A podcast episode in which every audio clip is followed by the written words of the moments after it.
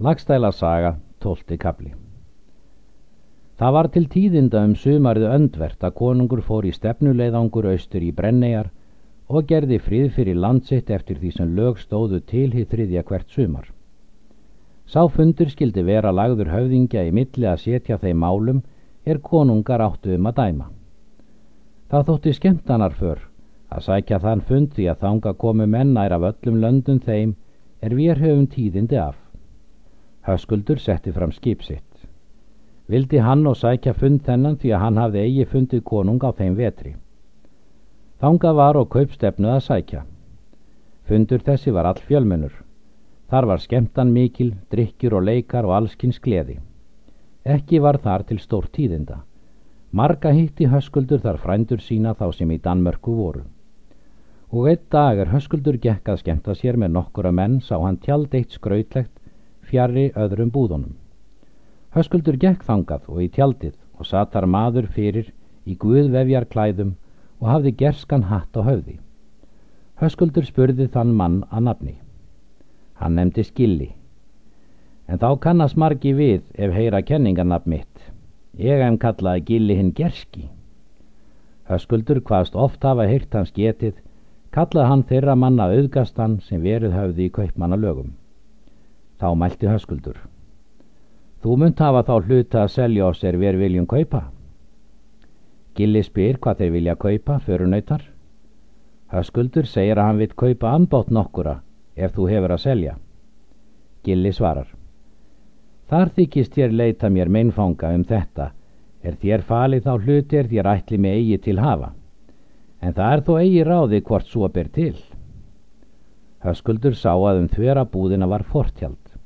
Þá lifti gilli tjaldinu og sá höskuldur að tólf konur sátu fyrir innan tjaldið. Þá mælti gilli að höskuldur skildi þangað ganga og líta á ef hann vildi nokkur að kaupa þessum konum. Höskuldur gerir svo. Þær sátu allar saman um þvera búðina. Höskuldur hyggur að vandlega að konum þessum. Hann sá að kona satt út við tjaldskurina, svo var illa klætt. Höskuldi leist konan frí sínum en nokkuð mátti á sjá. Þá mælti höskuldur. Hversu dýr skal sjá kona ef ég vil kaupa? Gilli svarar.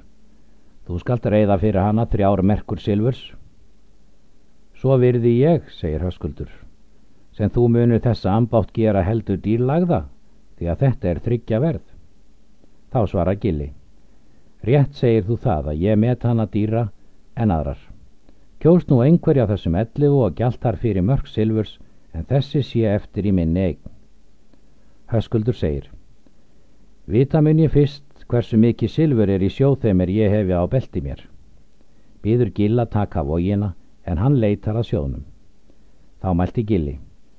Þetta mál skal fara óvjelta minni hendi því að á er ljóður mikill um ráð konunar.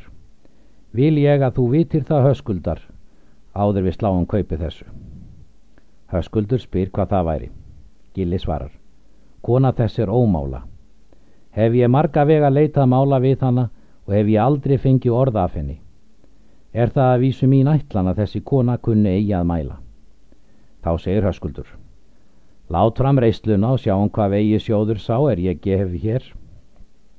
Gilli gerir svo. Reyðan og Silvrið voru það þrjár merkur vegnar.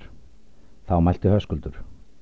Svo hefur nú tiltekist að þetta mun verða kaup okkar. Takk þú fér þetta til þín, en ég mun taka við konu þessi. Kalla ég að þú hafið drengilega af þessu máli haft því að vísu vildir þú með eigi falsa í þessu. Síðan gekk höskuldur heim til búðar sinnar. Það sama kveld rekti höskuldur hjá henni. En um morgun eftir er menn fór í klæði sín mælti höskuldur. Lít sér stórlæti á klæðabúnaði þeim er gilliðin auðgi hefur þér fengið. Er það á satt og honum var meiri raun að klæða tólf en mér eina. Síðan lauk höskuldur upp kistu eina og tók upp góð hvernmanns klæðu og seldi henni. Var það á allra manna mál að henni semdi góð klæði. En er höfðingjar höfðu þar mælt þeim málum sem þá stóðu lög til og var slitið fundið þessum. Síðan gekk höskuldur á fund hákonar á konungs og kvatti hann virðulega sem skaplegt var. Konungur sá við honum á mælti. Teki myndum við að hafa hverju þinni höskuldur þótt þú hefðir nokkuru fyrr ás fagnað og svo skal enn vera.